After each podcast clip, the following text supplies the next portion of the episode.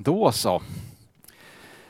Mattias Josefsson heter jag alltså, är en av medlemmarna i församlingen här och eh, tänkte ta med er på ett experiment. Känns det bra? Jag tänkte försöka på något sätt återskapa upplevelsen av att vara med i de första församlingarna. När det här var precis nytt och när liksom allt det gamla på något sätt som han hade levt i, lagens tidsålder, på något sätt hade var förbi.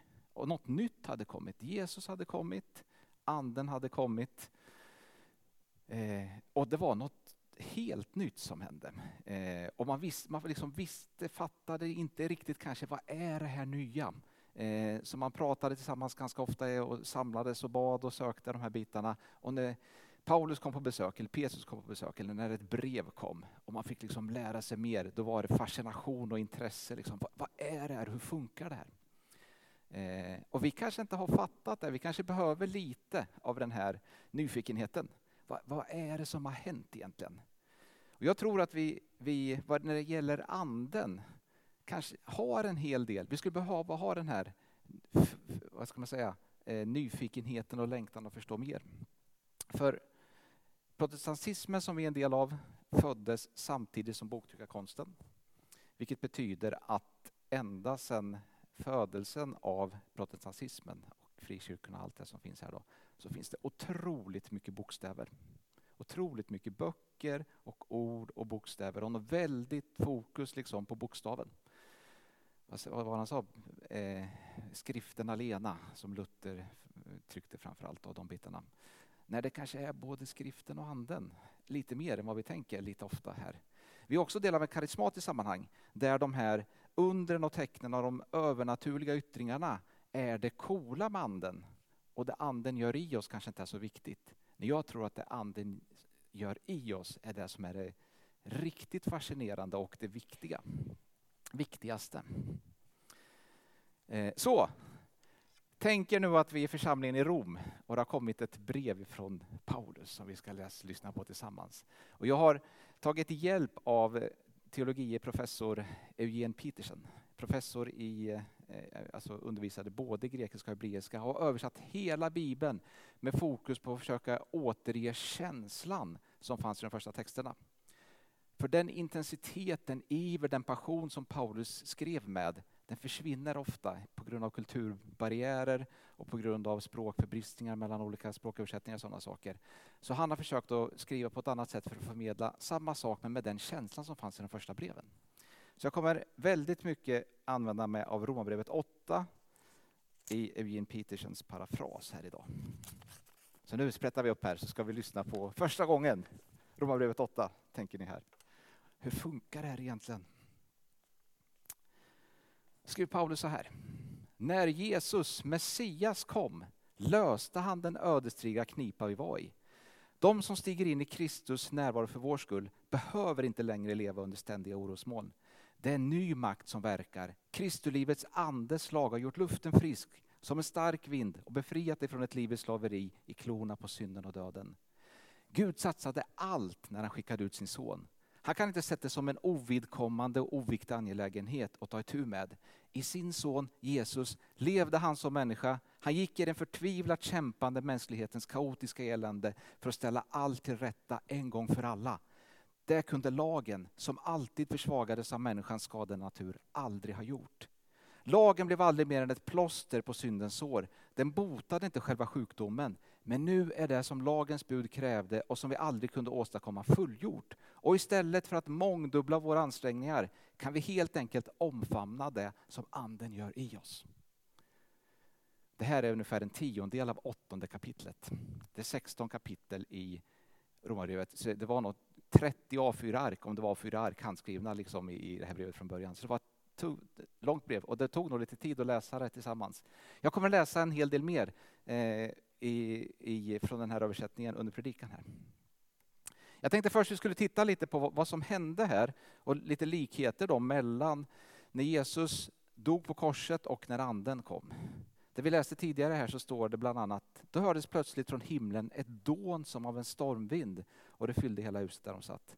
Och lite längre fram står det att i Jerusalem bodde fromma judar från alla länder. När dånet göd samlades hela skaran, hela Jerusalem. Det var antagligen ett ganska kraftigt dån då, som på något sätt kom från himlen står det, men det måste fortsatt ner i huset på något sätt, för, för folk samlades vid det här huset. Någon, någonting ganska, vad ska man säga, skapelseomvälvande hände. Och jag tror att, att det som händer här, det är att universum eller skapelsen förändras i sina grundlagar på något sätt. Det som ligger under kvantnivå, som vi kallar för andlighet på något sätt. Det är något nytt. Universum fungerar på ett nytt sätt efter den här händelsen. Och det är liksom så skapelsen skälver när det här händer. Det är likadant när Jesus hänger på korset. Vid sjätte timmen föll ett mörker över hela jorden och det varade till nionde timmen. Och när Jesus ger upp andan så brister förhänget i templet av de två delarna, i två delar, uppifrån ända ner. Jorden skakade och klipporna rämnade. Skapelsen skälver. Universum förändras. Det är nya lagar som gäller och allt funkar lite annorlunda. Så, lagen och anden pratar Paulus rätt mycket om i det vi läste i början och återkommer i hela brevet. Och lagen är på något sätt förbi och anden har kommit. Eh, och det här pratade redan Jeremia om på något sätt för 2600 år sedan när han profeterade. Då sa han så här att det ska komma en ny tid, säger Herren, då jag ska sluta ett nytt förbund med Israel och med Juda. Inte ett sådant förbund som jag slöt med deras fäder när jag tog dem vid handen och förde dem ut ur Egypten. Det förbund med mig som de bröt. Jag ska lägga min lag i deras bröst och skriva den i deras hjärtan. De ska inte längre behöva undervisa varandra, ty de ska alla känna mig. Nya testamentet återkommer flera gånger till, på olika sätt till det här stället. Bland annat skriver Paulus i Korinthierbrevet, andra. Det är ju uppenbart att ni är ett brev från Kristus, utskrivet av mig, inte med bläck utan med den levande Gudes ande, inte på tavlor av sten utan i era hjärtan, på tavlor av kött och blod. Han har gett mig förmågan att vara tjänare åt ett nytt förbund som inte är bokstav utan ande, till bokstaven dödar, men anden ger liv. Det har varit allt de hade. Lagen har varit det mest centrala i hela, hela judendomen. Nu säger Paulus att bokstaven dödar, men anden ger liv. Och det som skulle uppnås med lagen är fortfarande lika aktuellt refererar jättetydligt till det här stället att den helige anden vittnar för oss och, och heter Detta är det förbund som jag ska sluta med dem i kommande dagar, säger Herren. Jag ska lägga mina lagar i deras hjärta och inresa dem i deras sinnen. Det är det här som har hänt. Och det är det som hänger ihop, liksom. nådens tidsålder genom Jesus har gjort på korset som har förändrat förutsättningarna för oss liksom, i, i vår liksom, börda under alla våra brister och synder och andens förvandlade kraft, andens tidsålder. Om lagen läste vi lite nyss här, men vi kan titta på det igen här, vad Paulus skriver liksom i den här Eugene Peterson-översättningen. Det här som anden gör, det kunde lagen som alltid försvagas av människors skadenatur aldrig ha gjort. Lagen blev aldrig mer än ett plåster på syndernas sår. Den botade inte själva sjukdomen. De som tror att de kan göra det på egen hand blir alltid för upptagna med att mäta sina moraliska muskler för att hinna göra bruk av det verkliga livet. Förstår ni inte att vi inte är skyldiga det gamla gör det självlivet så mycket som ett rött öre? Vad har vi för nytta av det? Inget alls. Det bästa du kan göra är att ge en hedlig begravning och ta itu med ditt nya liv. Vad är då, liksom ändå, om lagen var det som Gud ville göra eller det liksom lagen handlar om någonting som Gud ville göra som inte funkade genom lagen Eh, och som de då kallar bokstaven dödar, lagens förbannelse och lite allt möjligt här då, till skillnad mot det nya. Men vad var det Gud ville göra och vad handlade lagen om? Och då kan det vara lite svårt att själv sammanfatta de här 516 buden som finns i Gamla Testamentet. Så det är ju tur att Jesus har hjälpt oss att sammanfatta liksom, vad är kärnan i laget, vad, vad, vad var det Gud ville göra, vad handlar det här om? Och det gör han ju fantastiskt här vid några tillfällen, exempelvis när han pratar med Fariséerna som hade fått höra hur han hade gjort saddukéerna svarslösa och de samlades för att sätta honom på prov och frågade en av de laglärda Jesus. Mästare, vilket är det största budet i lagen? Och Jesus svarade honom. Du ska älska Herren din Gud med hela ditt hjärta, med hela din själ och med hela ditt förstånd. Detta är det största och första budet. Sen kommer ett av samma slag. Du ska älska din nästa som dig själv på dessa båda bud vilar hela lagen och profeterna. Det här är alltså en sammanfattning av vad Gud ville uppnå genom lagen, som inte funkade genom lagen. Älska Gud, älska människor. Det är, det är lättare än 516 bud och, och bra sammanfattning. Älska Gud och älska människor. Och på något sätt så beskrev lagen hur, hur man lever om man älskar Gud och älska människor. Men om man med någon typ av prestationskraft och disciplin anstränger sig så att man kan för att leva efter lagen så har det tyvärr den negativa konsekvensen att den här hårda disciplinen gör en själv sämre och sämre på att älska. Vilket egentligen var det riktiga målet. Så därför säger Paulus, bokstaven dödar, de här disciplingrejerna gör det självkulturen. Gör inget, det hjälper inte, det gör inte rätt sak med dig. Något nytt har kommit. Vad säger Jesus parallellt här då, eller Paulus, om anden i de här breven när han väger de här mot varandra? Det är grönt här, det gula var lagen. Den som stiger in i Kristus närvaro för vår skull behöver inte längre leva under ständiga orosmoln. Det är en ny makt som verkar. Kristuslivets andeslag har gjort luften frisk som en stark vind och befriat dig från ett liv i slaveri i klorna på synden och döden. Men nu är det, lagen, är det som lagens bud krävde och det som vi aldrig kunde åstadkomma fullgjort. Och istället för att mångdubbla våra ansträngningar kan vi helt enkelt omfamna det som anden gör i oss. Här tycker jag han väver ihop det Jesus gjorde på korset, det lagen aldrig kunde göra, det är fullkomnat och fullgjort genom det Jesus gjorde på korset. Vi lever nu i nådens tidsålder. Och så fortsätter han med, med andens betydelse då, där vi helt enkelt kan omfamna det som anden gör i oss. Eh, för att det som Gud vill ska få hända i våra liv. De som litar på det som Gud gör med dem upptäcker att Guds ande bor i dem och att Gud lever och andas i dem. Fäst ögonen på Gud så visar han vägen ut till det fria, ut till ett liv med rymd och frihet. Den som inte hälsat den osynliga men tydliga närvarande guden, Kristus ande, välkommen in i sitt liv. Han eller hon förstår naturligtvis inte vad vi pratar om. Men hos er är han ju välkommen, i er bor han ju. Även om vi fortfarande känner av syndens alla begränsningar och vi får själva uppleva hur det är att leva på Guds villkor. Även om vi fortfarande känner av syndens alla begränsningar också en sån här viktig bit som kommer in parallellt med det. I nådens tidsålder så är det liksom inte en Gud, eller behöver vi inte tänka på Gud som så att jag har gjort fel. Jag har gjort så mycket fel, jag är så dålig på att göra rätt, så nu är det time-out. Försvinner min åsyn, tänk, säger Gud liksom, och kom tillbaks när du har bättrat dig. Då kan du få vara nära. Inte alls så. Mitt när vi fortfarande känner av syndens alla begränsningar så är vi omfamnade av anden, omfamnade av nåden. Kom med allt du har, kom precis som du är. Välkommen jämt.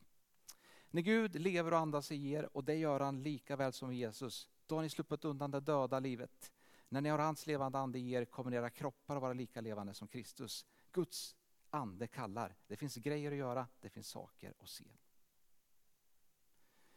Eh, sen, det vi pratar om här upplevs ibland, vad ska man säga, skrämmande. Eh, eftersom att liksom, det blir lite känslor, det blir lite, lite hurtfriskt, det blir så liksom, lite överfront i vissa fall. Så, så, så när människor pratar om att förvandlas av anden så kan det ganska ofta hända att jag, jag vill inte bli som den där superspidade predikanten eller som den där superkäcka ungdomen. Alltså, det där känns inte, det där är inte vad jag vill. Och, och jag vill ju vara jag, liksom. jag, vill inte, jag vill inte förvandlas, jag vill ju vara jag. Eh, då det kan vara viktigt att påminna sig om att det Gud inte vill göra är att förvandla oss till någon annan, utan upprätta oss i våra sanna jag. Och det är en ganska stor skillnad.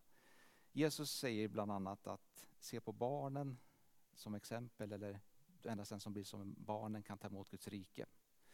Och vi tror också att skapelsen liksom är från början god och människan är skapad till Guds avbild och barnen på något sätt utstrålar som mest av de här bitarna. Så, så Gud har skapat oss till något gott. Till ett, till ett, liksom, till ett mästerverk. Och trasig, synden är en trasighet som finns i våra liv som har hänt genom vår känsla av otillräcklighet, eh, av utanförskap, av osäkerhet, av misslyckanden, av världens tuffa omständigheter så är vi trasiga. Eh, och det här mästerverket som Gud hade skapat oss till, våra sanna jag, är liksom sönderbrutna. Och då är det anden vill göra, är att försöka återupprätta och hela det. Inte göra som någon annan utan hela oss till våra sanna jag. Det kan vara viktigt. Paulus skriver så här. Uppståndelselivet som ni har fått av Gud är inte ett försagt dystert liv. Det är äventyr och förväntan. Det ropar på Gud som ett barn. Vad ska vi göra nu pappa? Guds ande rör vid vår ande och bekräftar dem vi är på riktigt. Vi vet vem han är och vi vet vilka vi är. En far och hans barn.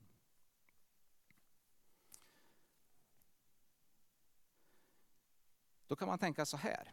Ja men det här låter ju jättebra. Tänk, tänk liksom den helige ande kommer. Det är inte en lag att följa utan det här skrivs i våra hjärtan. Och vi blir bra automatiskt. Men det finns ju ingen som är bra. Alla kristna jag känner har brister. Jag är superbristfull. Och alla jag känner liksom är inte de här som, som man liksom kunde kunna få en bild. Liksom. Du behöver ingen lag, behöver ingenting. Allt gott finns i ditt hjärta, det blir rätt ändå. Det är ju inte så. Och Det här brukar teologerna kalla för redan nu men ännu inte. Eh, som är liksom en, den tid vi lever i. När Jesus kom, när anden föll, redan nu så hände något radikalt. Något stort har hänt, alltså något är väldigt, väldigt annorlunda. Men det har inte hänt fullt ut. Det kommer att i framtiden, en dag, så kommer det här och som vi har, har hänt till viss del nu och som är superviktigt. Någon dag kommer det hända fullt ut. Då kommer vi verkligen inte behöva någon lag. Då kommer liksom det här funka helt och hållet i våra hjärtan. Och vi kommer vara kärleksfulla i grunden och på djupet eh, och rättvisa på det sättet som bara Gud är idag. Om Paulus, Paulus skriver liksom lite kring den här teologin på, på sitt sätt i det här brevet också. Då och säger att överallt ser vi en skapelse som är havande. De svåra, plågsamma tiderna världen över är helt enkelt verkarna. Och inte bara runt omkring oss utan även inom oss. Guds ande sporrar oss inifrån. Vi känner också verkarna. Våra ofruktsamma kroppar längtar efter förlossning. Därför blir vi inte mindre av att få vänta, lika lite som en blivande mor blir mindre i väntanstiden. Vi blir större medan vi väntar. Vi ser förstås inte det som gör oss större, men ju längre vi väntar, desto större blir vi och desto större blir vårt hopp och våra förväntningar. Till dess står Guds ande vid vår sida och hjälper oss vidare, så fort väntan blir för lång. Det spelar ingen roll om vi inte vet hur vi ska be eller vad vi ska säga när vi ber. Han ber i oss och för oss. Av våra suckar och stönanden gör han böner. Han känner oss mycket bättre än vi själva och vet att vi är som havande och ser till att vi alltid är i Guds närhet. Därför kan vi vara säkra på att det kommer något gott ur minsta småsak vi gör i våra liv av kärlek till Gud.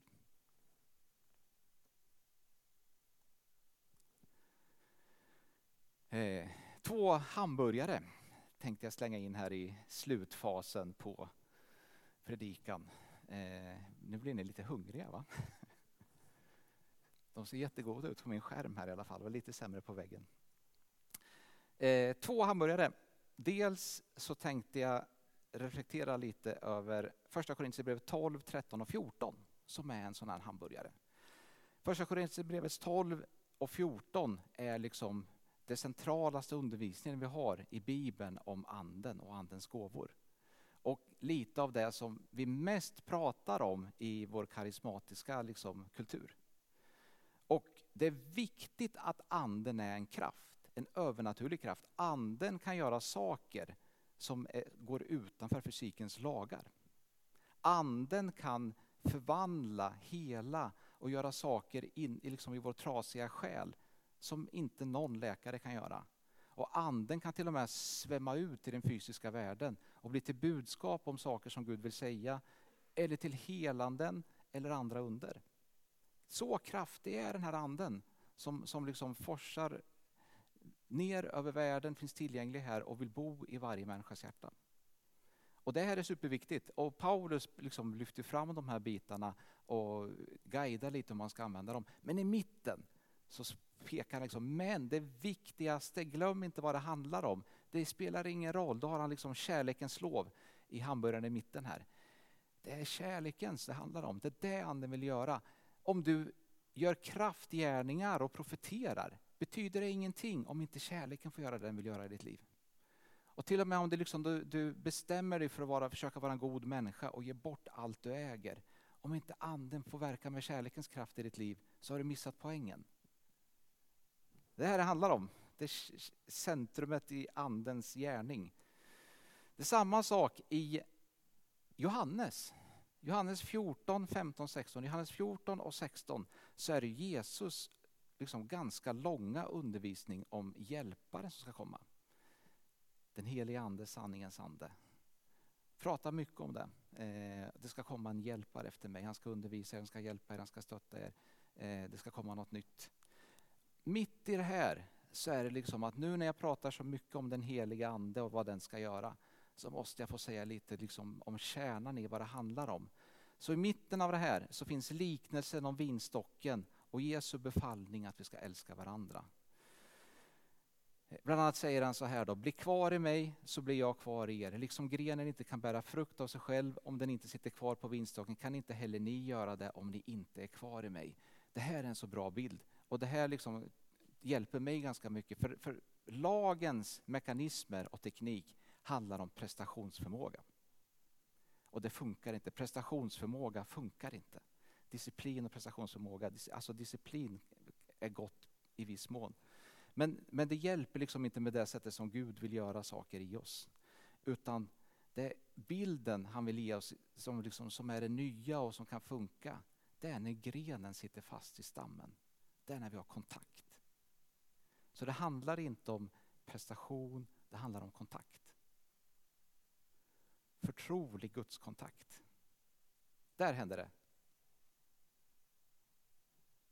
Så allt det nya vi handlar om liksom är, är något helt annorlunda än lagens tid. Och Jesus fortsätter sen liksom med det här, detta jag sagt det är för att min glädje ska vara i er och er glädje blir fullkomlig. Med Gud är detta, att ni ska älska varandra så som jag älskat er. Jag kallar er inte längre tjänare, ty en tjänare vet inte vad hans herre gör. Jag kallar er vänner, därför att jag har låtit er veta allt jag har hört om min fader. Detta befaller er att ni ska älska varandra. Ganska lika de här två hamburgarna på något sätt ganska intressanta. Jag tänkte sluta med den, med den sista delen i det här åttonde kapitlet då från eh, Romarbrevet som är ett av de, våra mest älskade bibelställen men som har en, en, en eh, fräsch eh, parafrasering här i Eugene Petersons översättning. Eller vad säger ni? Om Gud är med oss, hur kan vi då förlora?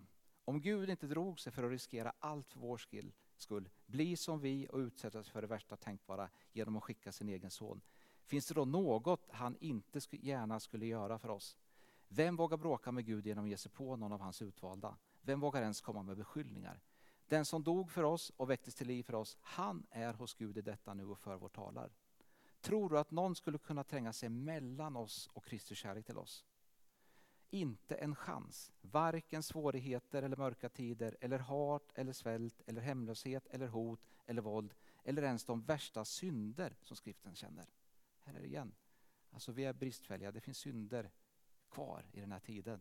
Inte ens det kan skilja oss från Kristi kärlek. De mördar oss kallblodigt eftersom de hatar dig. Vi är tacksamma offer, de tar oss sen efter en. Ändå tappar vi inte modet. För Jesus älskar oss jag är fullkomligt övertygad om att ingenting, vare sig levande eller döda, änglar eller demoner, nuet eller morgondagen, högt eller lågt, tänkbart eller otänkbart, absolut ingenting kan komma mellan oss och Guds kärlek när vår mästare Jesus har omfamnat oss som han har gjort. Sammanfattning. Gud som är kärlek gör allt för att upprätta oss till hela människor som älskar Gud tillbaka och älskar varandra. Därför dog Jesus på korset. Därför är anden utsänd till oss alla. Tack vare nåden och anden sker inte vår upprättelse genom prestationsförmåga utan genom att vara öppna för en förtrolig gudskontakt. Det är totalt nytt. Helt nytt. eller ja, nytt, 2000 år nytt, men nytt. Ännu enklare. Älska Gud, älska varandra. Jag tror, precis som liksom Jesus plockade upp den här schemabönen, eller, eller vad de kallade för judarna, liksom. De, den här, hör Herren Israel, Herren Gud är en och älska honom av hela ditt hjärta, hela din kraft, hela ditt förstånd. Det var en, en, liksom, någon typ av trosbekännelse eller, eller nästan mantra som de lärde sig att upprepa flera gånger om dagen, ofta, ofta, ofta. Så Jesus plockade upp liksom det här. Fortsätt med det här. Det här är liksom en bra grej att hålla till. Och så la han till det här, älska eh, varandra. Älska dina medmänniskor. Älska din nästa. Eh, så jag tror att en nyckel till liksom att hitta det Gud vill göra, det Ande vill göra vid oss, det är liksom det återvända tanken hit. Och kanske bara tänka liksom, Jesus har lärt oss det Gud vill göra, älska Gud, älska varandra.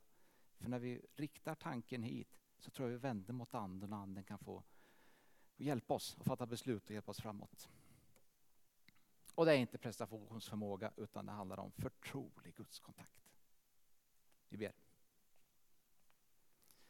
Himmelske Fader, tack för att du på riktigt är relationell kärlek. Tack Jesus Kristus för, för ditt verk på korset, för att nåden är in, infallen i världen och verkar i våra liv. Och kom helig Ande och verka i oss. Kom och fyll våra liv, fyll våra hjärtan och verka i oss med, med, med det du vill göra. Amen.